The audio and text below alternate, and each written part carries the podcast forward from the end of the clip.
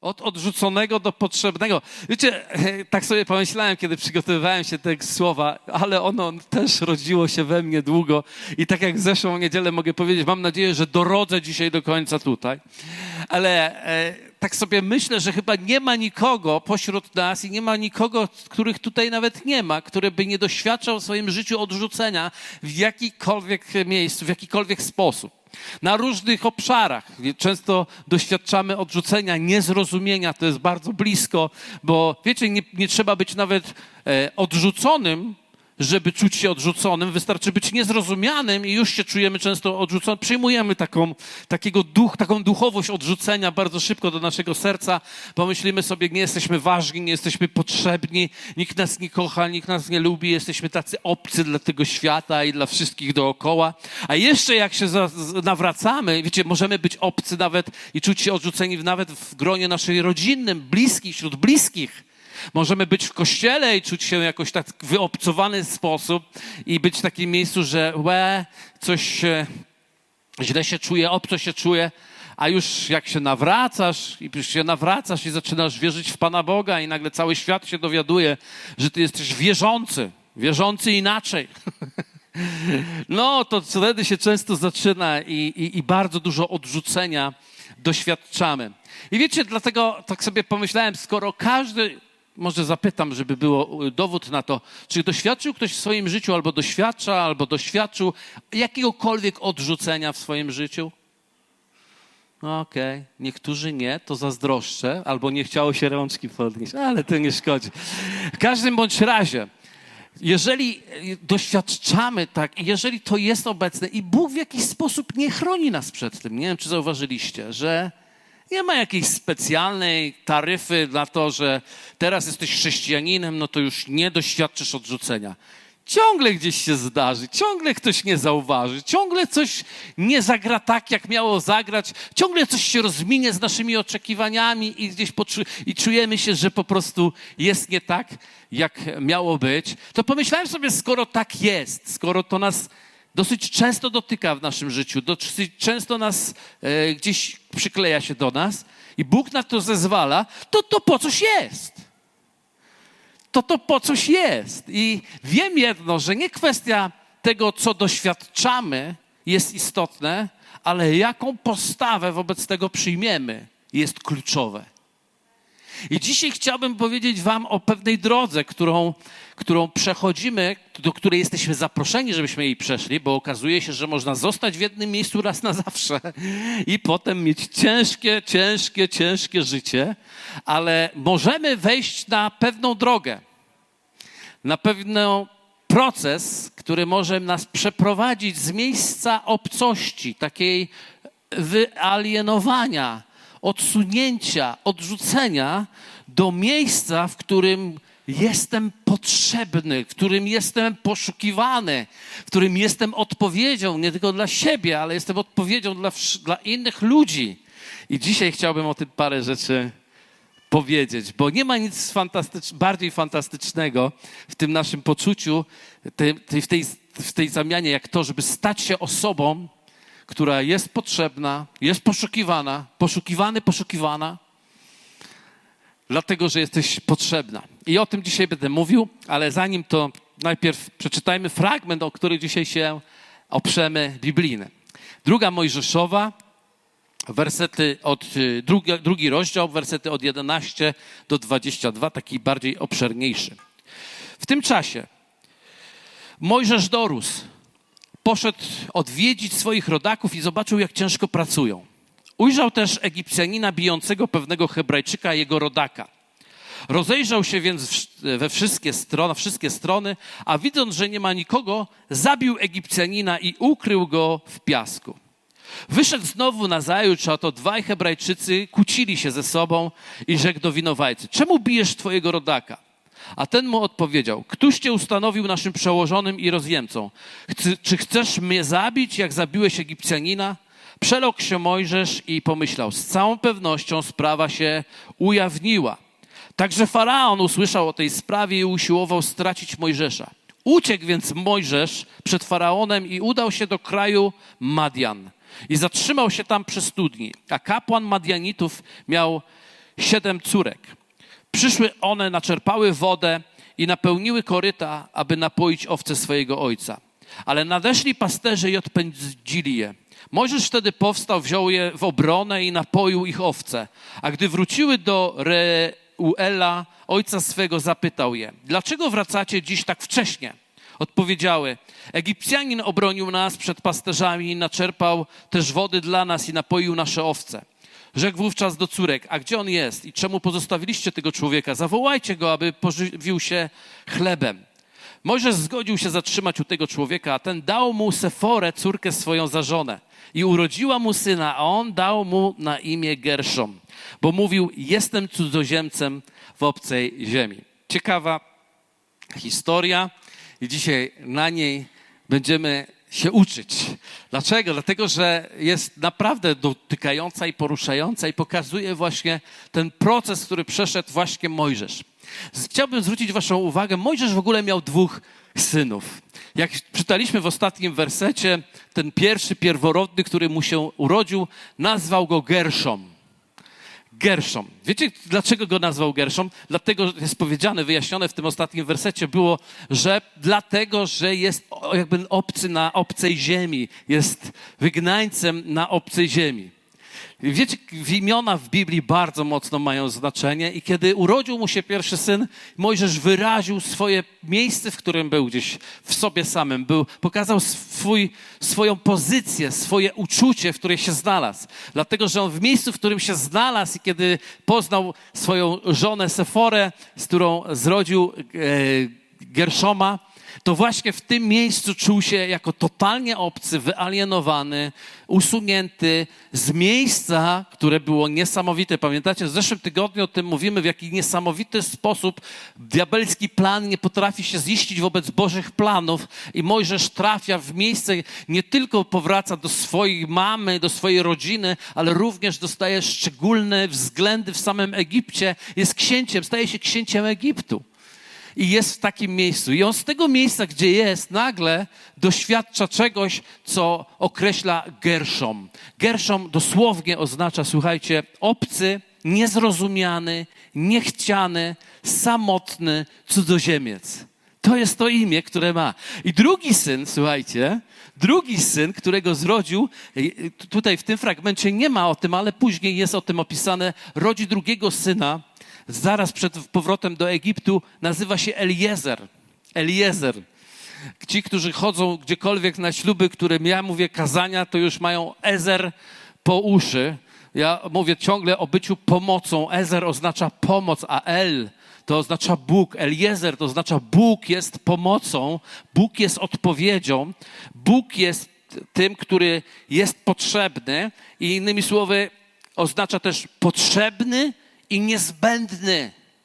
Czyli zobaczcie, jak to jest niesamowite. Pierwszy syn w Mojżeszu wyraża to, że jest obcy, że jest niezrozumiany, niechciany, samotny, cudzoziemiec, a drugi, tak jakby Mojżesz przeszedł pewien proces, który przeszedł, mówi: Bóg jest pomocą, jest potrzebny, jest chciany, jest do czegoś, jesteś po coś. To jest ten wyraz, który tutaj w Mojżeszu jest. I moje właśnie pytanie jest takie, czy my taki proces jesteśmy w stanie w swoim osobistym życiu przejść od Gerszoma do Eliezera? Czy może z tego miejsca Gerszom, w którym naprawdę czujesz się samotny, przejść do Eliezer, który jest odpowiedzią dla innych, który jest odpowiedzią dla świata, który jest spełnieniem tego Bożego oczekiwania w naszym życiu, abyśmy zajęli pozycję wobec tego, wobec tego świata. E, więc Mojżesz przechodzi proces przemiany, który prowadzi go od niezrozumienia i odrzucenia do bycia narzędziem w ręku Boga. Od Gerszoma do Eliezera. Mojżesz to symbol Bożego dziecka. Dzisiaj możesz się utożsamić z Mojżeszem. To jest symbol Bożego dziecka, które próbuje odnaleźć się w grzesznym świecie i potrzebuje czasu, procesu, aby odnaleźć się we właściwy sposób. Bo widzimy tutaj niesamowitą historię. Mojżesz, który wychodzi i chyba, chyba każdy to widzi. Mojżesz, który wychodzi z pałacu królewskiego Egiptu i zmierza do e, odwiedzić swoich pobratyńców. On się bardzo czuł Hebrajczykiem. Mojżesz, mimo że był wychowany e, w domu, w domu e, faraona, to jednak bardzo wewnątrz, w sercu gdzieś połączony był z tym swoim ludem hebrajskim i stał bardzo mocno za tym, żeby być razem z, razem z nim. I w związku z tym, kiedy wychodzi, wychodzi czując się, że jest jednym z nich. Nie wiedział do końca, że z punktu widzenia Hebrajczyków wcale nie jest jednym z nich, ale w sobie to czuł, że jest jednym z nich i reprezentuje takie dziecko Boże, które próbuje się odnaleźć i widzi, jak Egipcjanin leje Hebrajczyka. To jest duchowy obraz, który widzimy cze często. Widzimy, jak e, do, dzieci Boże często są w pogardzie we, wobec w tym świecie i są w pewnym sensie uderzani i bici i on chce w jakiś sposób zareagować. Ale też Mojżesz, słuchajcie, to również obraz Kościoła, który próbuje zareagować na, w nie, często w niezrozumiały sposób na grzeszny świat. Próbuje w jakiś sposób zareagować na grzeszny świat. Pokazuje dwa obrazy, właśnie cała ta historia pokazuje dwa obrazy. Kościół, który osądza i, i, e, i dokonuje osądu, dokonuje pewnego aktu zemsty, widzimy tu wyraźnie, i drugi, Kościół, który jest wrażliwy, to jest druga sytuacja, zaraz Wam pokażę to wyraźnie, i który jest ochraniający nawet to, czego nie rozumie lub nie zna.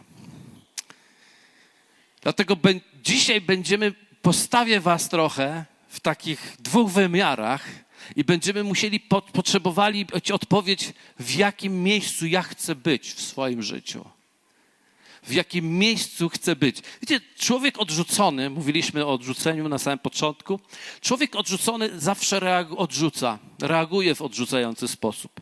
Dlatego, że doświadczamy czegoś takiego jak odrzucenie, to sami też również odpychamy.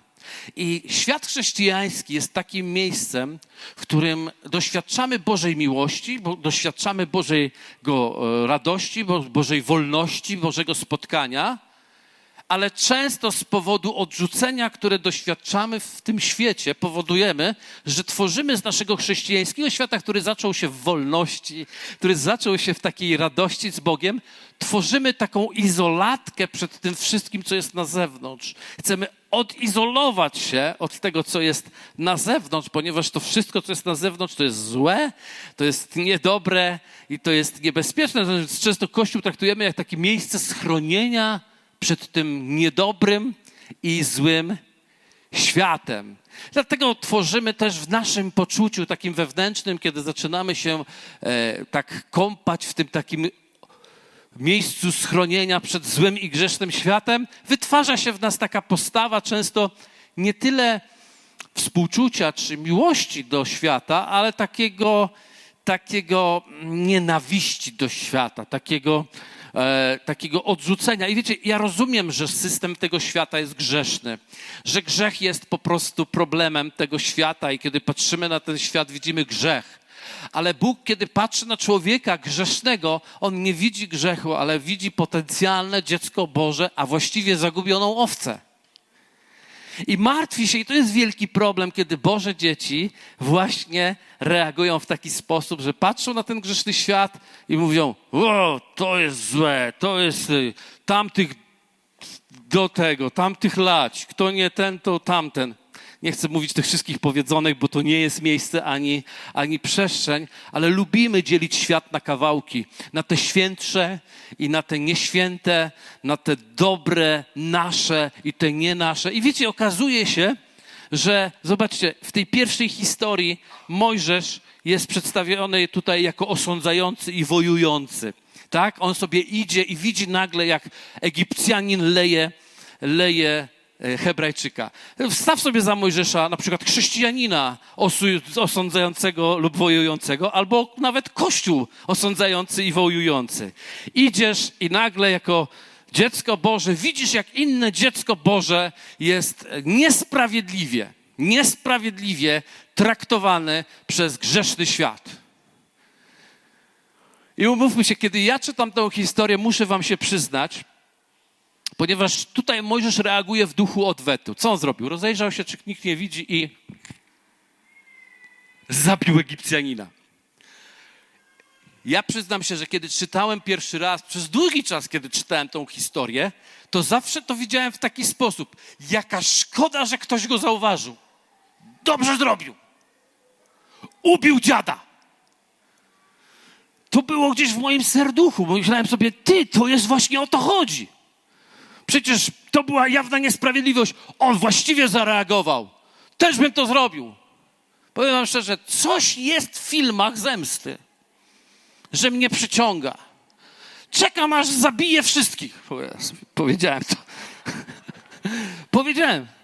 Ale czy ktoś e, tam uprowadzoną oglądał kiedyś? Trzy razy. Zabić Araba tam było. I ubić wszystkich. Szejka na końcu. Czy to nie pobudza naszej chrześcijańskiej duszy do radości? Słuchajcie, to jest śmieszne, ale z drugiej strony niekoniecznie. Ja to tak czytałem, myślałem sobie, wow, dobrze że zrobił. Zabił, zabił Egipcjanina. Czy to było prawe? No, da się wyjaśnić. Da się wyjaśnić. Ilu z nas tak pomyślało? Aż któregoś dnia Bóg całe szczęście pracuje w nas, jak pracuje w Mojżeszu. Przeprowadził nas przez pewien proces i my wiemy dzisiaj, przynajmniej ja wiem tutaj, mam nadzieję, że ty też, że nieprawe było to, że Egipcjanin bił Hebrajczyków. Hebrajczyka, ale również nieprawe było to, że Mojżesz chciał sam wydać sąd i dokonać wyrok. Dlaczego? Dlatego, że nigdy do tego nie został powołany. My nie jesteśmy powołani do tego, żeby wydawać wyroki. My jesteśmy powołani do tego, zaraz powiemy, do czego jesteśmy powołani, ale na pewno nie jesteśmy powołani do tego, żeby wydawać wyroki. Wiecie, Słowo Boże mówi, i to słuchajcie w liście do Hebrajczyków, dziesiąty rozdział, werset 30, mówi tak, słuchajcie. Znamy przecież tego, to jest mowa o, o Bogu, który powiedział: Pomsta do mnie należy. Ja odpłacę oraz Pan sądzić będzie lud swój. On będzie sądzić swój lud. Pomsta należy do mnie, mówi Pan. W, w Rzymian jest też napisane, najmilsi, Paweł mówi, nie mścicie się, gdyż pomsta należy do Pana. Zatem Mojżesz był w takim miejscu, w którym czuł, że coś z czymś trzeba zrobić, ale nie wiedział, co z tym zrobić, więc zareagował w taki sposób i zabił Egipcjanina. Okazuje się, że to nie jest odpowiedzią i, i, i coś jest takiego, że najpierw mamy sytuację, w którym Mojżesz reaguje na ten grzeszny świat, a potem musi zareagować na swoich pobratyńców. Okazuje się, że ta duchowość tego osądu jest niewłaściwa nie tylko na zewnątrz wobec świata, ale ona również jest niewłaściwa w środku. Bo wiecie, na drugi dzień on idzie, w środku dzieci bożych, on idzie na drugi dzień i spotyka jak Hebrajczyk leje Hebrajczyka i ma zagwózdkę, bo tak nie miało być. To nigdy nie było w planie. Nigdy nie było to, aby dziecko Boże stało przeciwko dziecku Bożemu. W związku z tym on mówi, nie wie co zrobić i mówi do tego, którego uznał za winowajcę, to jest ciekawe, mówi, hej, dlaczego to robisz? I nagle ci, za którymi on się opowiadał, stają przeciwko niemu i mówią, a co ty, morderco jeden, zabijesz teraz mnie? tak jak zabiłeś Egipcjanina i cała sprawa się tutaj rypła, ale zauważyłem jedną rzecz. Jeśli idziesz w kierunku duchu osądu i wykonania wyroku, nie zaprzestaniesz tylko na wrogach i w pewnym momencie nawet nie będziesz rozumiał, gdzie ci wrogowie są i zaczniesz, to, się to robić wszędzie. Potem będziesz widział innych wierzących jako twoich wrogów, potem będziesz widział e, ludzi w kościele swoim jako wrogów, potem będziesz widział, słuchaj, w swojej rodzinie ludzi, którzy są jakiś twoimi wrogami i nie znajdziesz nigdy ani równowagi, ani balansu, aby nie wydać wyroku, dlatego że zabawisz się i zajmujesz się rzeczami, do których nigdy nie zostałeś powołany. Amen? Jesteście ze mną? Wiecie, kiedy czytamy zemsta należy do Pana, to jest miecz obusieczny. Z jednej strony, oczywiście on mówi tak, jeśli ktoś tyka ciebie jako dziecko Bożego, to tym się Bóg rozprawił. Ktoś powie, hej, ale Mojżesz zabił Egipcjanina, to było zgodne z wolą Bożą, bo przecież Bóg zrobił to w Morzu Czerwonym i to z całą armią.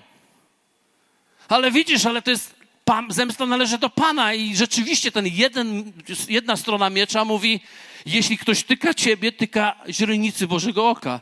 Bóg się tym zajmie. I to nam się podoba. Ale druga strona tego miecza mówi, zemsta należy do Pana, pomsta należy do Pana, oznacza, że nie Twoją rolą jest to.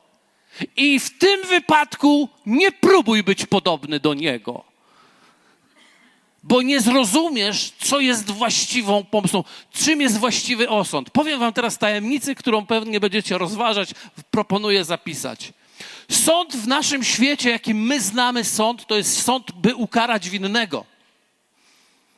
Ale sąd z punktu widzenia zawsze i to zawsze, i sobie zapamiętaj to, nie był celem pierwszorzędnym ukarać winnego, ale ochronić sprawiedliwego. Halo? Halo?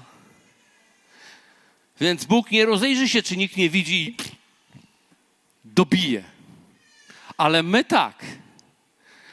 Użyjemy nawet anonimowego nika, żeby zabić. Może nikt nie zauważy. Inteligentni złapali, nie?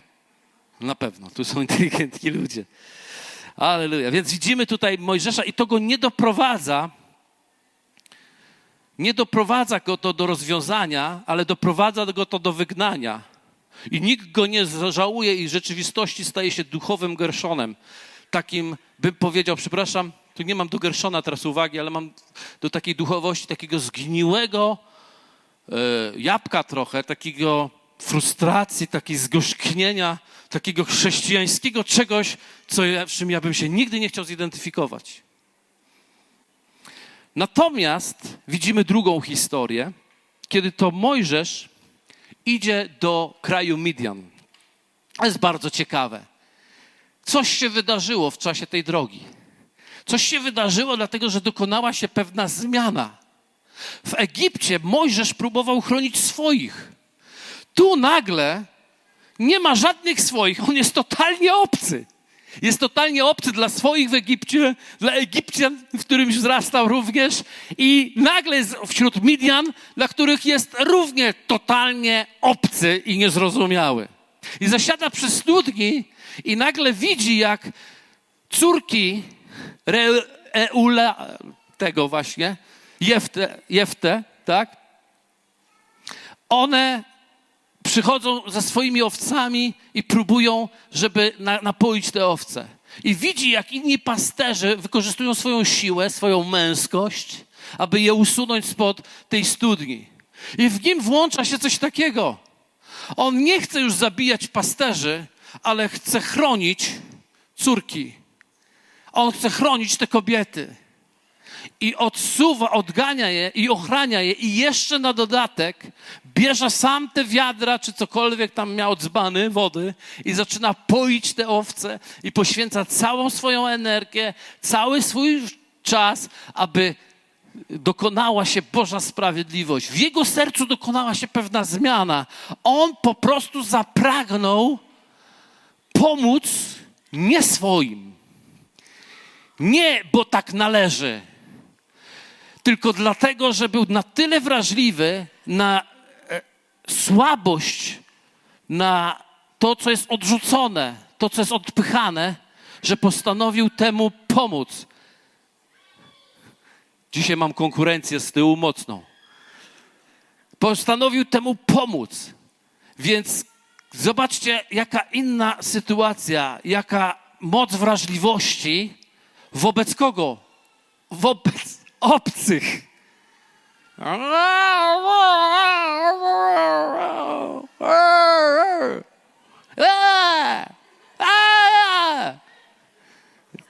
Aleluja. Widzicie, uciszyło się. Przestraszyli się, co się z pastorem stało. Nie, nie, jest dalej walka. Ktoś postanowił walczyć. Słuchajcie, więc jesteśmy w, Med- w gdzie jesteśmy? U Midianczyków.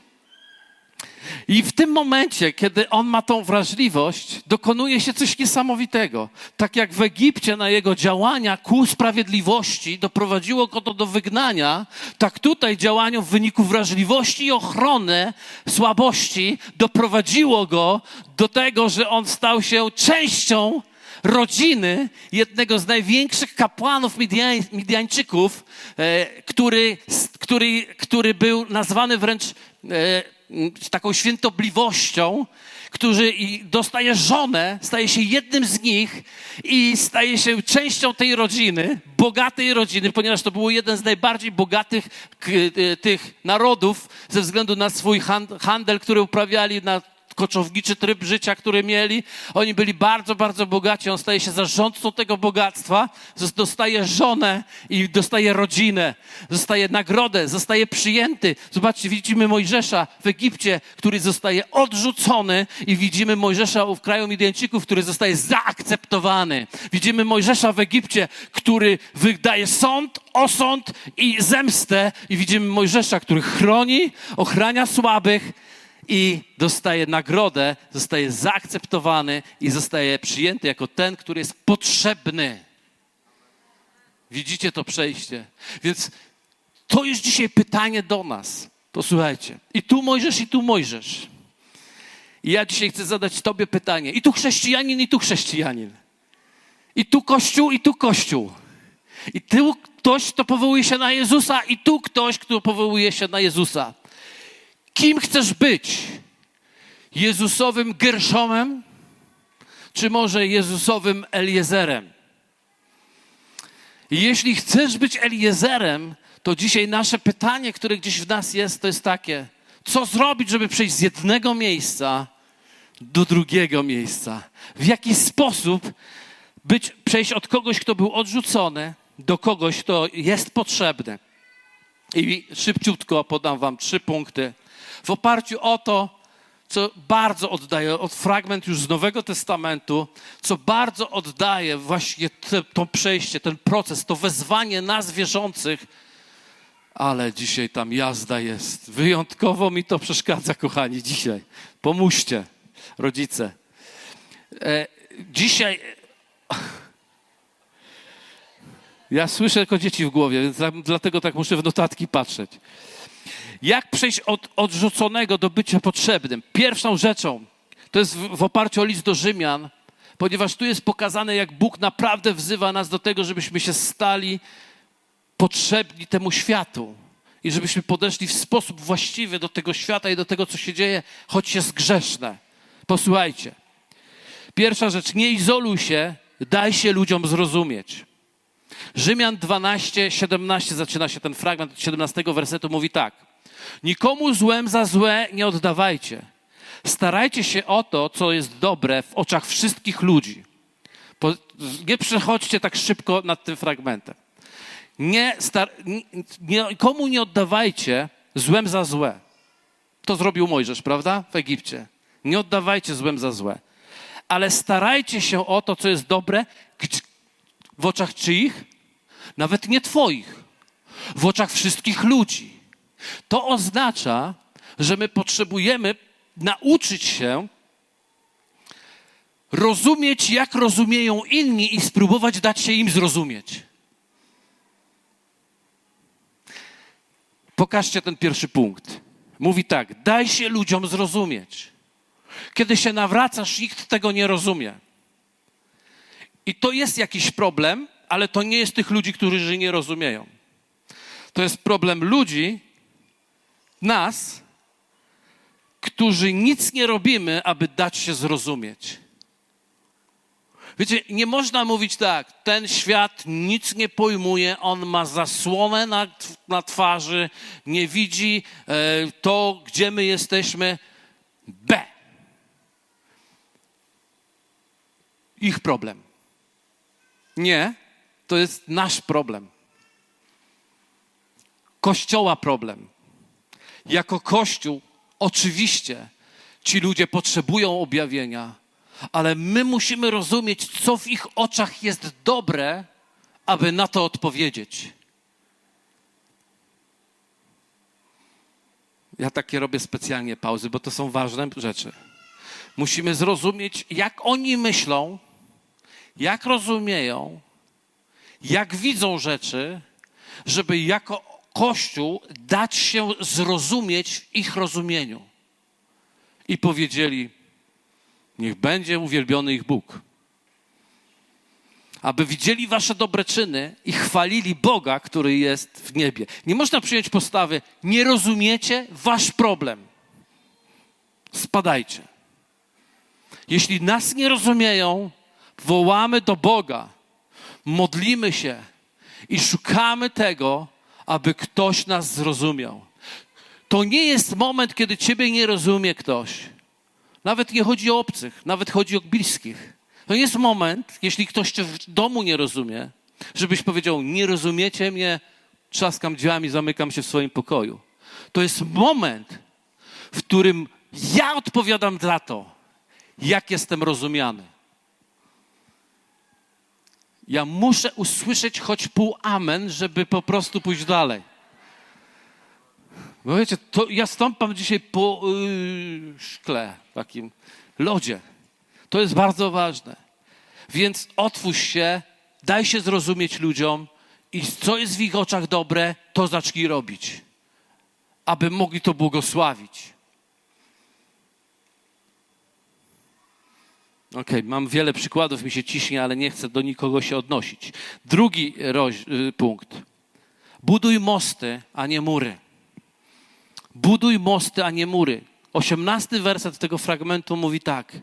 Jeśli można, a o ile to od was zależy, ze wszystkimi ludźmi pokój miejcie. Co to oznacza? To oznacza, że ja jestem powołany, żeby zrobić wszystko, żeby mieć relację, w której mogę przekazać od siebie to, co Bóg mi daje. Bo posiadać pokój to jest miejsce, pokój to jest miejsce, to nie jest tylko, że okej, okay, nie kłócimy się, ale pokój to jest, Boże pokój to jest miejsce, w którym mogę podzielić się tym, co, kim jestem i co, i, i co mam. Więc buduję relacje, aby ludzie się mnie nie bali, ale żeby był pokój. Dlaczego? Bo to ode mnie zależy. Jeśli to od ciebie zależy, to zrób wszystko, żeby mieć pokój. Nie rób wszystko, żeby ogłaszać: Dziady, z nimi nie mam nic wspólnego. Widzicie, chcę zwrócić Waszą uwagę. Faryzeusze właśnie to mieli problem w stosunku do Jezusa, kiedy go widzieli z celnikami i grzesznikami, bo on miał pokój z celnikami i grzesznikami. Faryzeusze myśleli, że to trzeba się odizolować, a Jezus był przekonany, że trzeba zbudować pomost, aby móc przyjść z Ewangelią, która uratuje ich życie. O, dziękuję. Chwała Bogu. I po trzecie, nie bądź mścicielem, lecz dobroczyniącym. Rzymie, dalsze wersety 19 do 21, posłuchajcie. Najmilsi, nie mścicie się sami, ale pozostawcie to gniewowi Bożemu, albowiem napisano, pomsta do mnie należy, a ja odpłacę, mówi Pan. Jeśli tedy łaknie nieprzyjaciel twój, nakarm go. Jeśli pragnie, napój go, bo czyniąc to, węgle rozżarzone zgarniesz na jego głowę. Nie daj się zwyciężyć złu, ale zło dobrem zwyciężaj.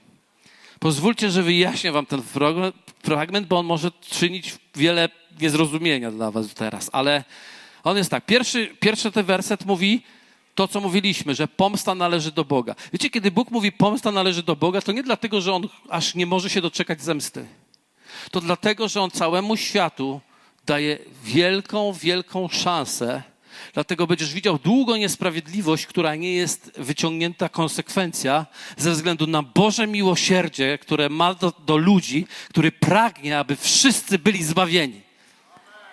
Bóg pragnie, aby wszyscy byli zbawieni, więc nie gniewaj się na to, że ten czas, że jeszcze ogień nie płonie na ludziach i nie giną w piekle płomiennym, ponieważ Bóg tych ludzi tak kocha, że On nie chce, żeby oni tam skończyli.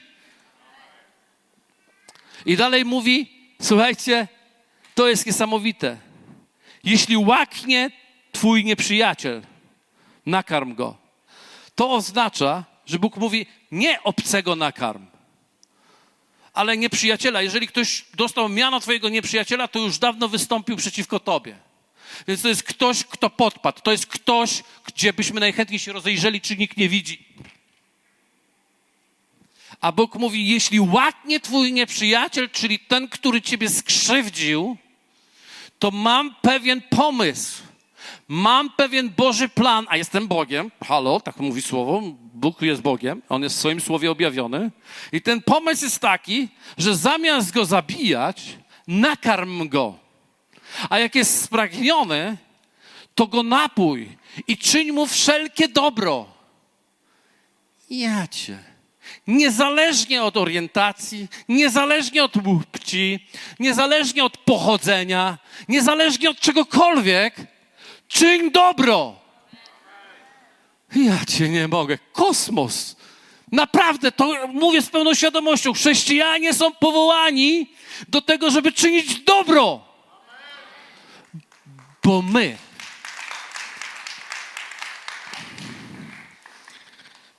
My się różnimy od muzułman. Jednak trochę. My jesteśmy tu nie, żeby podkreślić, że tylko my.